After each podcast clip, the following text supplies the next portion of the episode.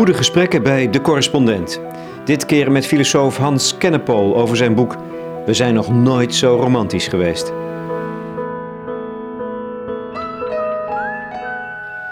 We zitten hier in de commissiekamer De commissiekamer, ja.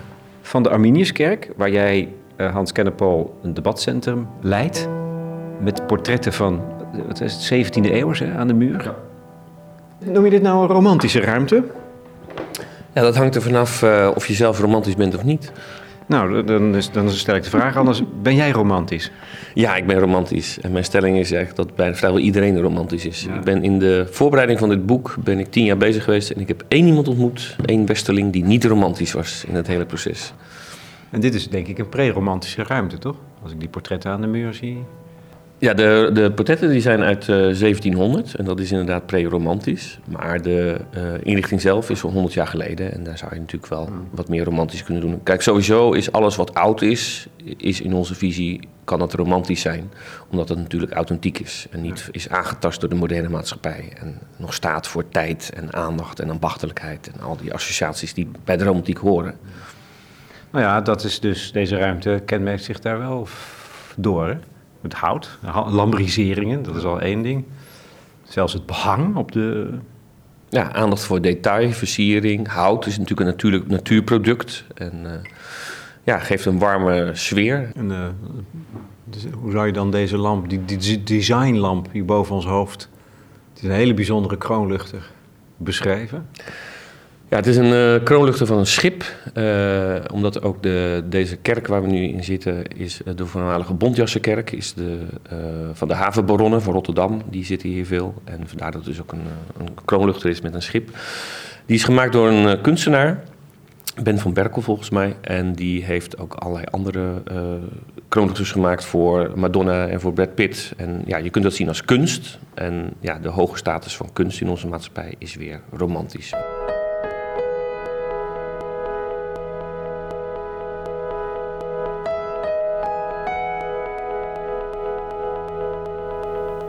Les 1, wat mij betreft, is romantiek is niet een gevoel of een sfeer of ehm, het clichébeeld van het, eh, het eh, intieme restaurantbezoek bij kaarslicht of nou, noem, noem er nog maar een paar. Nee, het zit veel dieper. Roma- romantiek is een wereldbeeld, een Ja. ideologie. Ja, het is een, echt een ideologie. Ehm, je zou ook heel grofweg kunnen stellen eh, dat in het christendom de mensen natuurlijk tot het slechte geneigd is. Hè. Adam en Eve hebben van de boom van de appel, de appel van de boom van de kennis gegeten. En daarom zijn alle mensen be- belast met de erfzonde. Dus in, in, de katholiek of in de christelijke geloof zijn mensen van nature slecht. In de verlichting, hè, dus zo rond 1700, eind 1700, komt dan het beeld eh, van de eh, maakbare mens op, hè, de, de, de tabula rasa. En als we nou mensen dan het goede met het genot associëren en het eh, pijn met het slechte, dan worden allemaal modelburgers. En de, de fase daarna. Dus mensen zijn dan neutraal, die zijn maakbaar, hè, de maakbare samenleving. En in de romantiek wordt er dan nog een stap verder genomen en zegt nee, mensen zijn in principe goed. Nou, dat bleef natuurlijk een enorme ommekeer is dat. eh, als je uitgaat dat mensen in principe goed zijn. En dan zie je dus ook dat het, het eh, onschuldige kind eh, naar voren komt. Maar nog belangrijker misschien wel het ontplooiingsideaal. Authenticiteit, jezelf ontdekken, je eigen unieke ik tot ontplooiing brengen. Nou, je- de voorbeelden zijn natuurlijk te over in onze maatschappij waar dat in weer klinkt. En dat is typisch een erfenis van de romantiek die, eh, ja, die gigantisch is. En eh, die overal in alles doorcijpelt en doortrekt. Want het betekent met zoveel woorden dat, wij, dat het onze blik op de werkelijkheid kleurt, filtert. Ja. Hè? Dus, dus we hebben niet een, een, wij denken natuurlijk eh, dat we een zuiver beeld hebben van de werkelijkheid. Maar dat is dus helemaal niet zo. Nou, ik weet niet of, ieder, of, ieder, of jij hebt weet je, een zuiver beeld van de werkelijkheid. Wat is een natuurlijk wel. Nou, dat is mijn beeld. Ja, natuurlijk. Dat is jouw beeld. Maar iedereen is wel bewust dat hij natuurlijk voor zichzelf een subjectief eh, in, in invulling daarna geeft. Nee, maar dat is, volgens mij, dat is volgens mij wel het, het, het spannende van de romantiek. Dat je kunt jezelf misschien wel afficheren als romanticus of zo, maar dan bedoel je toch iets anders dan dat ook jou alles wat je denkt en voelt en, waar, en waardevol, eh, als waardevol beschouwt, dat dat in wezen romantisch is. Dat, dat denken wij helemaal niet. Dat beseffen we helemaal niet. Nee, dat beseffen we dus niet. En dat is ook de reden dat ik dit boek heb geschreven. Omdat wij denken vanuit een romantisch kader. En bijvoorbeeld wij kijken naar uh, niet-westerse culturen, Chinees en Japans, vinden we vaak maar raar. Hè? Er is bijvoorbeeld uh, tijdens de Olympische Spelen uh, in China, waren er hoostessen en die gingen dan oefenen op een westerse lach. Want de Chinese lach die is gesloten en de westerse lach is dan met tanden. En wij willen, en westerse willen graag een spontane lach hebben. Dus die Chinese vrouwen zijn dus allemaal aan het oefenen met stokjes in hun in hun mond. Wij vinden dat belachelijk. Dat komt dan in het nieuws bij ons. Van, ja, maar hallo, dat kan toch niet? Omdat wij willen een spontane lach. Maar die Chinezen die denken van ja, oh, nou jullie willen een lach met een, brede lach. Nou, dat kan, dan, dan, dan doen we dat. Dat, dat, leveren we. Ja, dat leveren wij. Dat, dat is een soort, uh, nou ja, uh, uh, gunst van ons aan jullie. En dat is een heel mooi voorbeeld van hoe uh, wij dus dingen belachelijk vinden en dat in het uh, oosten dat niet, niet is. Ja. Maar ja, wij vinden het belachelijk omdat wij denken dat wij het patent hebben op de werkelijkheid zoals die is en zou moeten zijn. Ja, Terwijl het in wezen romantisch is en, Ook, en ook zeer betrekkelijk is. Dan kun je gewoon grote vraagtekens ja, kun je, hele, kun je hele grote vraagtekens zetten. Ik heb ook in mijn voorbeeld ook het voorbeeld van de Chinese repressie.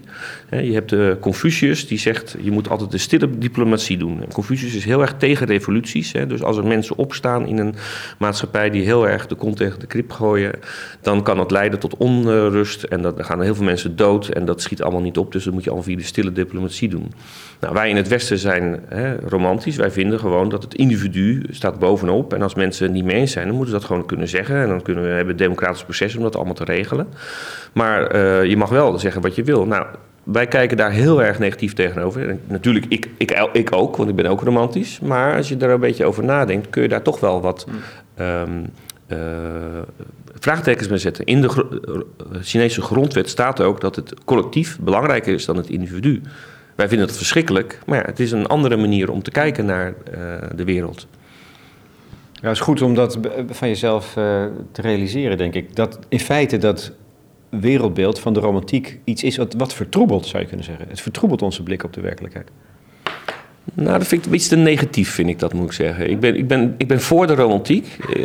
Hoe kan je daar nou voor zijn? Nou, omdat de romantiek ook een hele sterke emancipatoire kant heeft. Hè? Uh, je zou kunnen zeggen dat met het... Uh, uh, dat hè, uh, homo's of vrouwen of allerlei andere uh, bevolkingsgroepen hebben natuurlijk ook al in de verlichting zijn die redelijk geëmancipeerd, maar er is geen enkele ideologie die het individu zo vrij laat om te doen wat hij wil, uh, om zelf zijn leven vorm te geven. En dat is een heel mooi iets en dat is denk ik ook een hele grote positieve kracht van de romantiek. En dat is ook denk ik een van de redenen waarom de romantiek ook zo populair is. Het begint al na de Tweede Wereldoorlog als jongeren de idealen en waardenormen van de ouders afwezen en dan allerlei authentieke jeugdculturen gaan beginnen, waarin ze zichzelf willen zijn.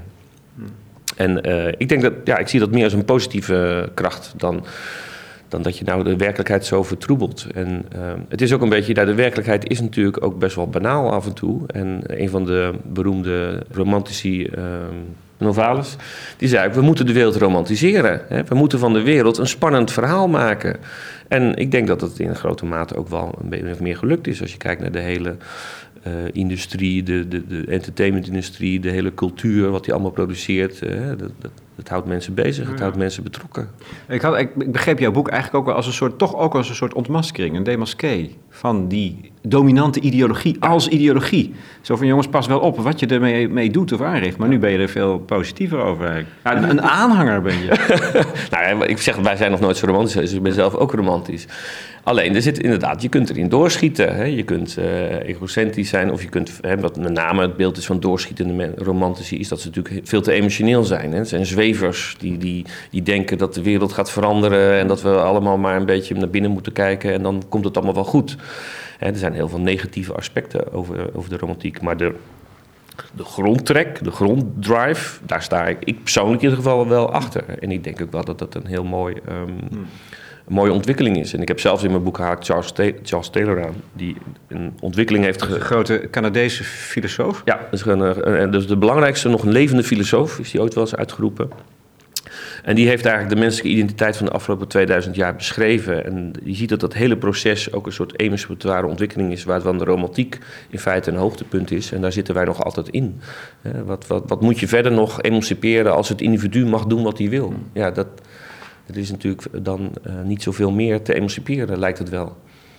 En hij stelde vast dat, dat uh, de mens voor zijn moraliteit op, op zichzelf, op zijn gevoel is aangewezen. Als een van de belangrijke. Dat is niet eens romantisch, maar dat is eigenlijk een, een ontwikkeling van de, de mens. Uh, niet, niet alleen de romantische mens, maar dus zo begreep ik het. Nou, het is, het is een ontwikkeling van 2000 jaar die jij schetst, die uiteindelijk uitloopt in uh, op je gevoel afgaan voor je, voor je moraliteit. Dus niet meer op de kerk of andere externe bronnen, maar op jezelf. En dan ja, is natuurlijk heel veel geoorloofd. En um, kun je zeggen van nou, ik heb helemaal geen zin om uh, advocaat te worden. Ik wil lekker kunstenaar worden of ik wil lekker in een uh, hutje op de hei gaan wonen en daar een eenvoudig leven. Dat, dat mag allemaal. Ja, dat heeft dus gigantische invloed op de manier waarop we onze kinderen opvoeden bijvoorbeeld. Ja, ja want uh, wat je natuurlijk ziet is dat, wat heel apart is natuurlijk, dat kinderen in de adolescentie allerlei gaan experimenteren met, met drugs, met relaties, met, met van alles en nog wat. En die ouders, en dat ouders, de Nederlandse ouders dat goed vinden en dat ook belangrijk vinden, Hoewel ze natuurlijk ook tegelijkertijd hun hart vasthouden van ja, ik zou ook liever willen uh, dat ze gewoon niet naar de uitgaande s'avonds laat thuiskomen. Hè. Dat is wat bijvoorbeeld mensen uit niet-westerse culturen dan heel raar vinden aan westerse ouders, dat ze, dat ze hun kinderen allemaal maar zo loslaten. Maar wij zijn echt van overtuigd, nee, je moet jezelf je eigen weg vinden en dat gaat met vallen en opstaan. En, uh, en dat moet je dus voor jezelf doen. Dat, dat, dat wordt niet van tevoren aangeboden door de cultuur. Zoals je het Hans Kennepol net al schetste, is romantiek iets wat zich eigenlijk verzet tegen het christendom. We denken vaak dat het een reactie is op de verlichting, hmm. Eh, het verlichtingsideaal. Maar jij, jij, jij stelt eigenlijk dat het een reactie op het, op het christendom is. Ja, En daarmee kun je dus ook afvragen, heeft het dan ook de trekken van een religie? Ja, zeker natuurlijk.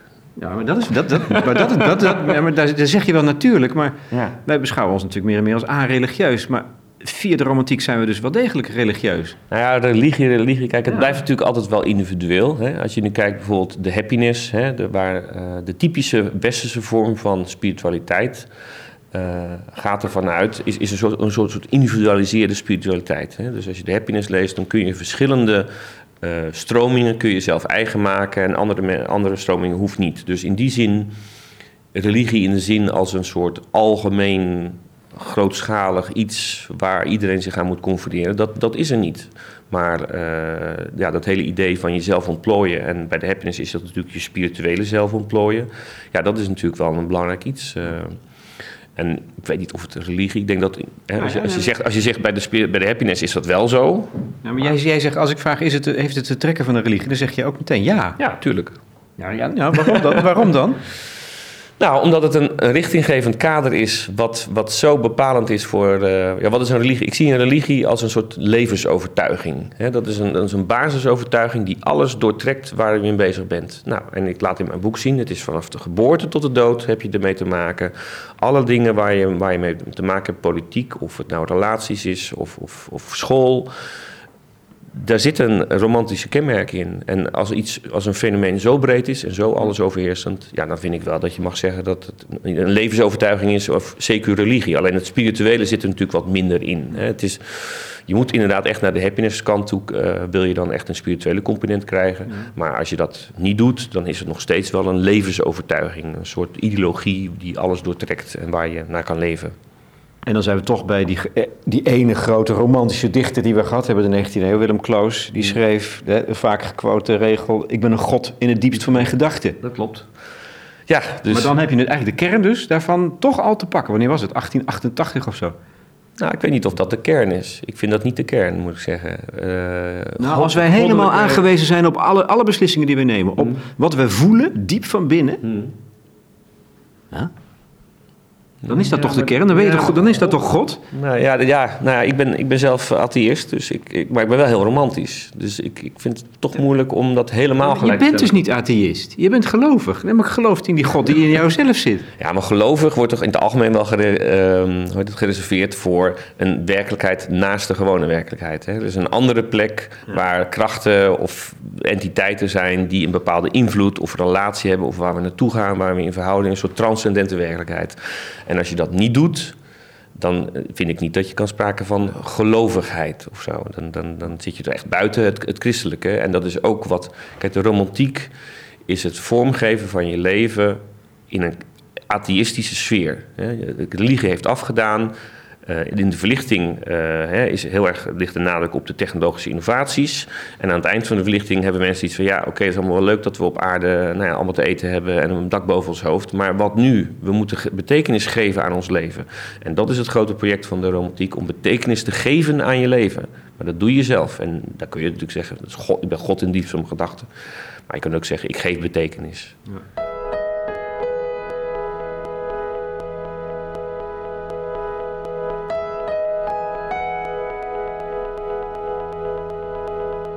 Natuur en gevoel, die combinatie, dat is het eigenlijk.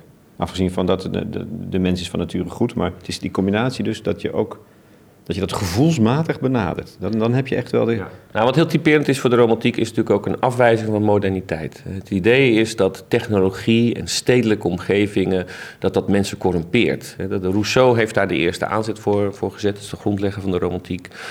En het idee is dat in stedelijke samenlevingen mensen zitten op elkaar, mensen gaan wedijveren, gaan allerlei uh, uh, plannetjes om elkaar te bedotten uh, verzinnen. En het idee is van de, de nobele wilde, ja, die heeft dat nog niet. Die staat dicht bij de natuur en ook dicht bij zijn gevoel. En nou, ga maar na, ook in een stad heb je continu reclame, winkels, mensen die iets van je willen. En dat, dat trekt ons allemaal uit onze eigen authenticiteit. Ook de jachtigheid bijvoorbeeld van de moderne maatschappij is vaak ook genoemd natuurlijk. Maar dan, dan stuit je toch op wat misschien wel de meest eh, fundamentele paradox is als het gaat om, om, uh, om romantiek. Aan de ene kant zeg je, uh, ons hele denken is doortrokken van het romantische gedachtegoed, maar we leven in een, in, een, in een samenleving die zo technologisch is en verstedelijkt dat dat, dat, dat haak staat op het gedachtegoed. Dat is dan toch een voortdurende bron van spanning. Ja, maar volgens mij is dat een schijnbare bron. Ik bedoel, waarom zijn we zo bezig met onze authenticiteit en al met, met die hele vrije tijdscultuur die heel romantisch is? Omdat wij natuurlijk de tijd en de mogelijkheid hebben, doorgegeven door de technologie, door de moderne samenleving, om dat te doen. En dat, dat het uh, afwijzen van de moderniteit is nou ja, vrij niet zo krachtig, laat het zo zeggen, als, als romantische kritiek. Want het grappige is ook natuurlijk, al die technologieën die zorgen juist voor weer voor meer vrijheid. Hè? Dus als jij. Uh, als de, dus dat, het versterkt ook die mogelijkheid om romantisch te zijn. Ja, tuurlijk. Als jij zegt van uh, de opkomst van de auto, of als je dadelijk, noem eens wat, de Google Cars, die gaat nu een auto maken die zelf kan rijden. Kinderen gaan dadelijk autorijden. Bejaarden gaan autorijden. Dus je krijgt een enorme emancipatie weer. Dat mensen, die, die kinderen, die worden al heel vroeg, dat ze, nou, waar is Jantje? Ja, die is weg met de auto. Die is nu uh, eh, 50 meter verderop uh, op een speciale les waar hij uh, met allemaal mensen zit die die, die, die ook allemaal heel erg leuk vindt. Maar je kunt, zijn, als het gaat over, over die technologische vooruitgang, zijn natuurlijk twee in het oog springende ontwikkelingen waarvan je denkt: oké, hoe kan dat dan in een romantisch tijdperk? Eén, het, het boetseren van het menselijke lichaam. Hmm. En twee, de komst van robotten.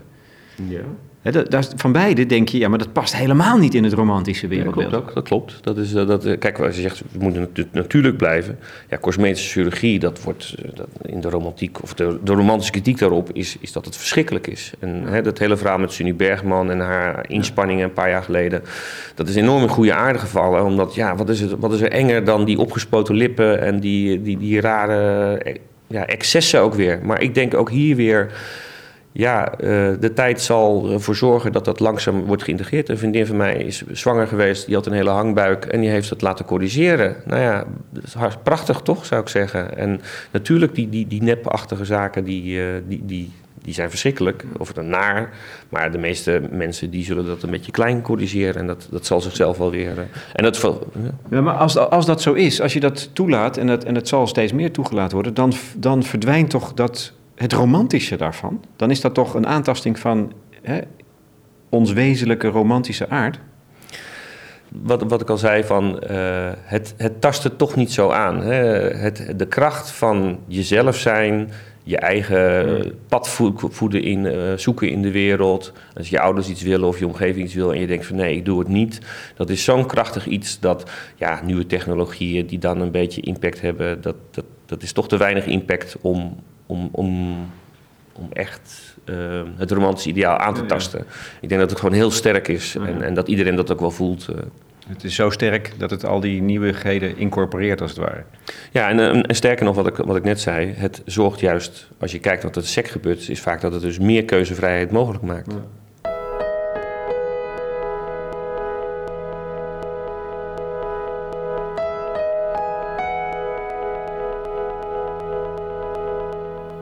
De liefde. Wat een mooi onderwerp. Ja. Is er nog romantischer dan dat natuurlijk? Uh, het idee dat je jezelf kan zijn bij de ander. Hè? Dat je je volledige authenticiteit in die relatie met die ander uh, tot ontplooiing brengt. Dat is de romantische liefde. Ja. Terwijl ik denk, daar klopt geen hout van. Ja, dat denken heel veel mensen. Maar toch gaan mensen toch wel weer heel erg aan de gang om dat te, te na te jagen. Hè? De, de, de, de komt, komt, daar dan niet alle ellende van? Dat we dat precies dat, dat is een leugen volgens mij. Dat kan niet. Dat je volledig jezelf kunt zijn, juist in relatie met die ander. Dat jagen we na. Nou, zie daar de ellende. Ja, ik weet niet, is er zo... Ja, ik ben, ik ben Ja, er zijn... Ik geloof dat twee op de... Nee, één, op de, één, op de drie, één op de drie huwelijken strand. Om eens wat te noemen. Nou, dat vind ik al behoorlijk hoog. Vind je dat hoog? Ja, ja weet ik niet. Na, na een aantal jaren... Ik vind dat niet. Het is niet zo dat we allemaal uh, bij elkaar komen en dan na een jaar uh, trouwen en dan uh, allemaal na een jaar, twee jaar gaan scheiden of zo. Dus maar de, ja, die hoge verwachtingen zijn, zijn moeilijk haalbaar. Nee, maar Hans, je kan er toch niet onderuit dat, het, dat er een, een soort gat zit tussen het ideaalbeeld van de liefde, romantisch geïnspireerd, en de realiteit. dus dan denk ik, daar klopt er toch geen bal van? Nou, als je een ideaal hebt, wil dat niet zeggen dat, je dat, niet, dat het niet nastrevenswaardig is. Jij wilt toch een, een, een goede, aardige, vriendelijke, bedachtzame man zijn die goed is met zijn Nou, dat ben ik ook allemaal. ja, ja. Nou, volgens mij zit er wel een gat in wat, jij, wat ik voor ogen heb en hoe jij dat in de werkelijkheid uh, uh, kan acteren. Dus natuurlijk is er altijd een, er is het ideaal en er is ja, onze imperfecte benadering van het ideaal. En misschien is het wel zo, inderdaad, dat bij de romantiek dat die afstand stuk groter is dan bij veel andere idealen. Maar de meeste mensen die ik in ieder geval in mijn omgeving spreek, die hebben toch romantische gevoelens. Die hebben toch zoiets van: jij bent het voor mij, ik, ik, ik geef mijn leven, wil ik met jou delen. Nou, je leven met elkaar delen, dat begint toch al een beetje uh, nou ja, richting romantiek te komen. En die hebben, zeggen dan vaak wel van: ja, nou, ik weet natuurlijk ook niet, elkaar opgaan, dat kan ook niet. Maar ik vind het toch wel een mooi ideaal. En ik, ja, ik, ik nou, mensen die ik spreek die een lange relatie hebben, die hebben dat vaak ook nog wel, uh, moet ik zeggen. Die, die ideeën en zo. Ja, ik ook. Ja.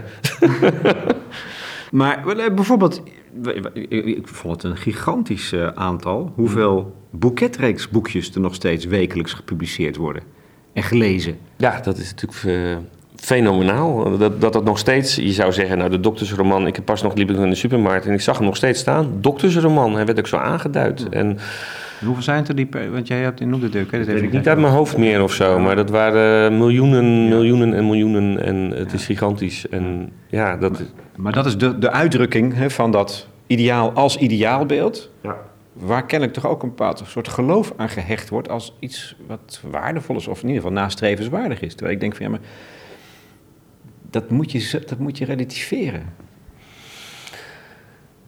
Ik denk, ik denk ja, kijk, in, de, in, de, in de media en de, de uitingen van de populaire cultuur wordt dat natuurlijk niet heel snel gerelativeerd. Amerikaanse films, hè, mensen verliefd, long, uh, long ever, ever, happy. Europese films al veel meer. Hè. Als je kijkt naar Europese films, dan zie je vaak toch dat relaties, ja, aan het eind gaan mensen weer uit elkaar of uh, problematisch. En ik denk dat er best wel veel gerelativeerd wordt. Sla eens een keer Viva open, zou ik zeggen, of de Cosmo. Nou, de relativering uh, zit, er, zit er redelijk in, kan ik je verzekeren hoor. Ja, bij de Cosmo heb je dan van die uh, titels als, uh, staat op de voorpagina, hij, hij vreemd, jij ook vreemd. Dus ja, ik bedoel, wat dat betreft... Um, het, alleen, het blijft natuurlijk een, een, een, heel mooi ideaal. En het is ook zo'n ideaal. Want kijk, de gevoelens, de liefdesgevoelens en seksualiteit... dat zijn natuurlijk zulke intense en dicht bij jezelf liggende fenomenen...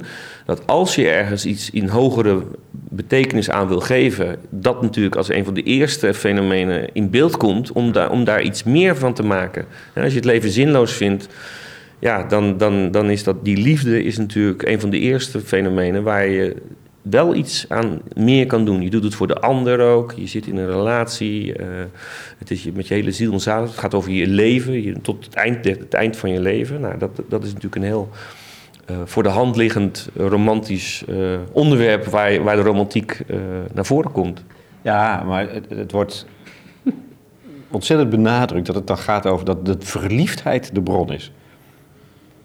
En, uh, en de, de, problemen ontstaan dus voor veel mensen, omdat op een gegeven moment die verliefdheid overgaat. Nee, ah, maar dat, dat was toch niet de bedoeling? Zo, zo, dat was toch niet, dat hadden ze nog niet afgesproken? Ja. Terwijl ik denk van, ja, maar dat is raar. Dat is, waarom wordt daar zo zwaar op ingezet? Nou ja, dat is denk ik omdat het natuurlijk die verliefdheid een vervanging is voor de religie.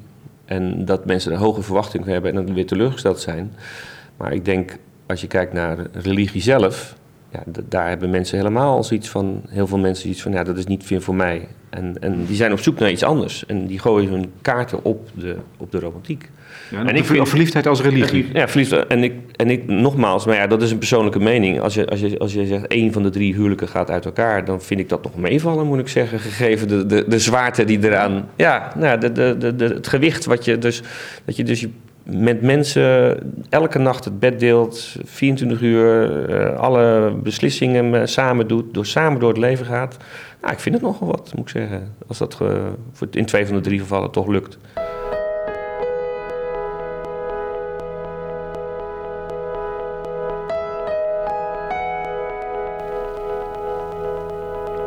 Het nationalisme. Ook daar, dat is iets waar, uh, waar je dat sporen van het romantische denken terugvindt. En misschien wel vandaag dus, dat lijkt het alsof dat een beweging kan maken, een tijdje minder en dan komt het toch weer terug.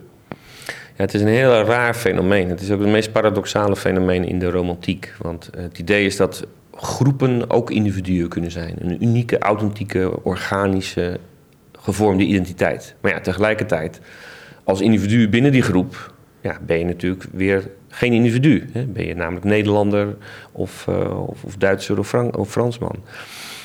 En uh, nationaliteit geeft natuurlijk wel identiteit. Je hoort bij een club, het geeft betekenis. Als jij, uh, en wat dat betreft, ik vind de, de vernietigende uitspraak van Schopenhauer vind ik echt fenomenaal in dit verband. Die zei, Citeer hem nog even. Ja, dat is echt zo mooi. De laagste vorm van trots is de nationale trots. Want elke armzalige sukkel die geen enkele individuele kwaliteit heeft, klampt zich vast aan de laatste strohalm, namelijk dat wat hij deelt met miljoenen. Ja, ik vind hem echt, hoe langer je hem uh, bekijkt, hoe, hoe vernietigend hij is. Hè? Ajax, Feyenoord, Nederland, Hub, Holland, Hub. Ja, het is natuurlijk um, een heel raar fenomeen. Hè? De, de, Wetenschappelijke Raad voor de Regering heeft ooit wel eens onderzocht... Wat is, wat is nou eigenlijk Nederlanderschap? En die hebben geconcludeerd... er zijn geen specifiek uh, Nederlandse waarden en normen, tolerantie of andere zaken, die daar de basis voor zijn. En zij hebben voorgesteld, als je er meedoet, dan ben je het. Dus als je de definitie die we nu hanteren in Nederland van Nederlandschap, als jij gewoon Koningendag viert of je gaat de Elfstedentocht rijden, dan ben je Nederlander. Hoe je denkt of voelt nu ook. En dat is natuurlijk een heel raar iets, natuurlijk feitelijk wat je, hoe, je daar, hoe je daarover nadenkt. Ja. Vond ik wel leuk. Uh, de, het idee van de Batavieren als ja. our founding fathers is een mythe die ja, ook niet... Een bizar verhaal. Uh, dat is echt een bizar verhaal. Heel veel oudere mensen hebben nog geleerd dat de Batavieren... die kwamen bij Lobit de Rijn afzakken. Ja, die kwamen hier een post op staan... en op een gegeven moment uh, de Romeinse overheersing... zijn ze manhaftig in opstand tegengekomen... Om, ja, omdat, ze Nederland, omdat ze een eigen staat wilden stichten... Nou, de historici zijn het erover eens dat de Batavieren die kwamen inderdaad, maar die zijn met de grootste volksverhuizing in 500 na Christus allemaal weer vertrokken. Dus die zijn gewoon weggegaan. Dus de huidige Nederlanders stammen af van Fraks, Saksen en Friezen, maar op geen enkele manier eigenlijk maar een heel klein percentage maar, uh, van de Batavieren. En uh, de zogenaamde vrijheidsstrijd die zij gevoerd hebben, die uh, Claudius Civilis, dat was een uh, ja, man die hier, zijn broer werd vermoord door Nero en waarschijnlijk had hij gewoon een persoonlijke wraakmotieven om in opstand te komen tegen Nero. En helemaal niet een soort patriotistisch gevoel. Dus ja, dit is een voorbeeld van een totaal verzonnen verhaal wat wordt gebruikt om, um, om een nationalisme te funderen. En uh, volgens mij was het Hobsbawm, volgens mij, die heeft ook uh, Inventing of Tradition heet het ja. dan. Hè? Historici die, die, die, die hebben daar een speciale naam voor. En bijna elk land heeft dit soort mythes die, ja, als je uh, historisch naar gaat kijken, gewoon onzin, ja. onzin zijn. Ja, dat is dan de bedriegelijke kant van die romantiek, van die neiging tot romantiek. Je noemt het wel paradoxaal. Ja, om de werkelijkheid anders te bekijken ja, dan dat hij ja. werkelijk is. Ja. ja. je kan erin doorschieten en uh, er is overal list en bedrog. Dus, uh, ja. maar het is op het ogenblik nogal sterk, die, die hang naar nationalisme. En die, dat wordt ook een politiek instrument en dan is het niet meer zo onschuldig. Ja, maar toch, wat wel grappig is, nationalisme heeft natuurlijk een hele slechte pers. Hè? Ook vanuit het nationaal socialisme in de Tweede Wereldoorlog. Maar nationalisme is ook wel iets waar, wat nodig is voor democratie. Het gevoel dat je het Nederland, dat je denkt, nou, ik betaal belasting en dat is goed. En ja, natuurlijk, uh, ze hebben pas een enquête gedaan en de kleine meerderheid van de Nederlanders vond toch dat belasting een goede zaak was en was bereid om dat te betalen. En dus het idee van een moderne staat, als je dat wil vormen, dan is een nationalistisch gevoel is niet, um, uh, is ook wel weer een beetje nodig daarvoor, laat zeggen. En ja, ja. En je citeert ook iemand als Hofstede, geloof ik, dat er toch een aantal factoren zijn waarop je, hè, op grond waarvan je mensen wel tot een groep kunt rekenen. Of een bepaalde cultuur. Nee, kenmerken van een bepaalde cultuur. Ja, ja. Nou, die wij zouden, zouden delen. Dus wij leven in de romantische cultuur. Hè? Dus ten noorden van de, van de Rijn kun je zeggen. Hè? Brabant en Limburg zijn natuurlijk meer katholiek. En daar begint ook uh, België en Frankrijk zijn meer katholieke landen. En eigenlijk de oude grens van het Romeinse Rijk is heel grappig dat dat zo lang stand houdt. Ten noorden ervan hebben we dus te maken met romantische uh, cultuur. De Duitse cultuur, Engelse cultuur meer en de Nederlandse cultuur. En ook Scandinavische landen en ook... Hoofd... Hm? Die, die zijn romantischer dan ja. de Zuiderlingen. Ja, dat klopt. Ja. Terwijl volgens mij denken ook heel veel mensen dat het precies andersom is. Nou, er is een romantisch beeld van uh, Bertolli, moeders, omaatjes... die gezellig aan lange tafels zitten... en waar de mensen nog... Uh, uh, aandacht voor elkaar hebben en nou ja, iedereen erbij hoort.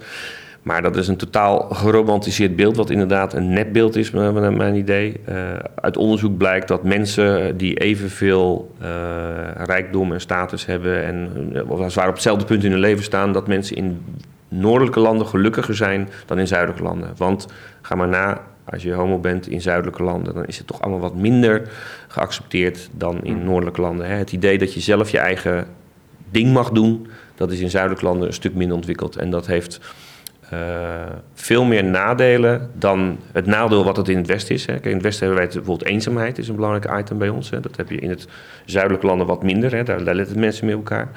Maar per saldo, ja, dat is dan een professor in de geluksstudies, Ruud Veenhoven, dat is een jonge tak. Nou, dat is de enige indicatie die ik heb gevonden. Je kunt hier heel lang over praten. Maar, en die uh, ja, heeft wel de stelling van, nou, de persoonlijke vrijheid die we in het noorden wat meer hebben dat weegt toch wel op tegen de grotere eenzaamheid van mensen. En dat ze dus, als je persoonlijke vrijheid wil ook zeggen van ja, als je niet sociaal vaardig bent, dan kun je ook vereenzamen.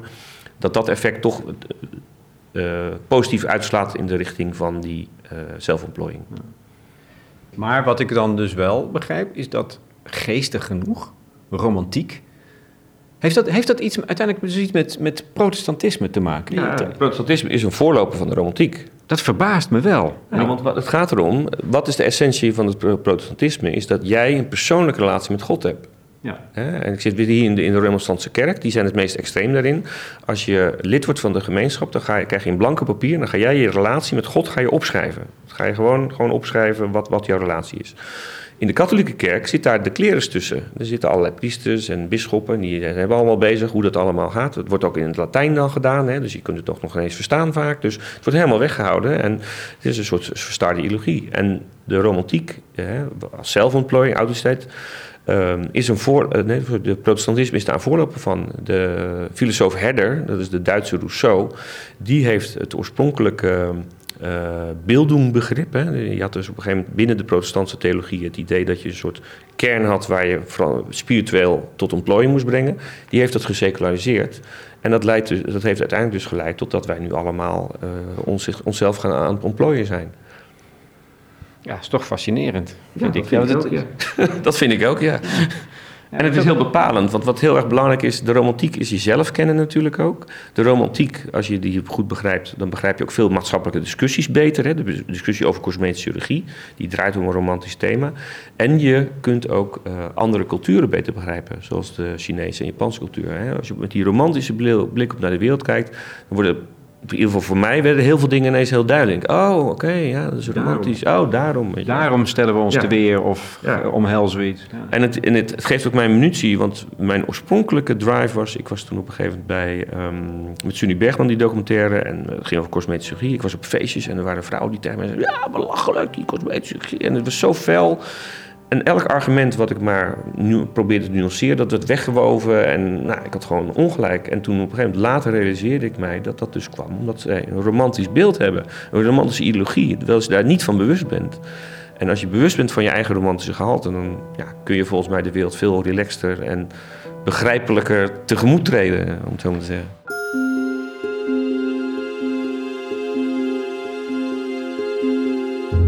Hans Kennepol, schrijver van het boek We zijn nog nooit zo romantisch geweest. In gesprek met Lex Bolmeijer voor de correspondent.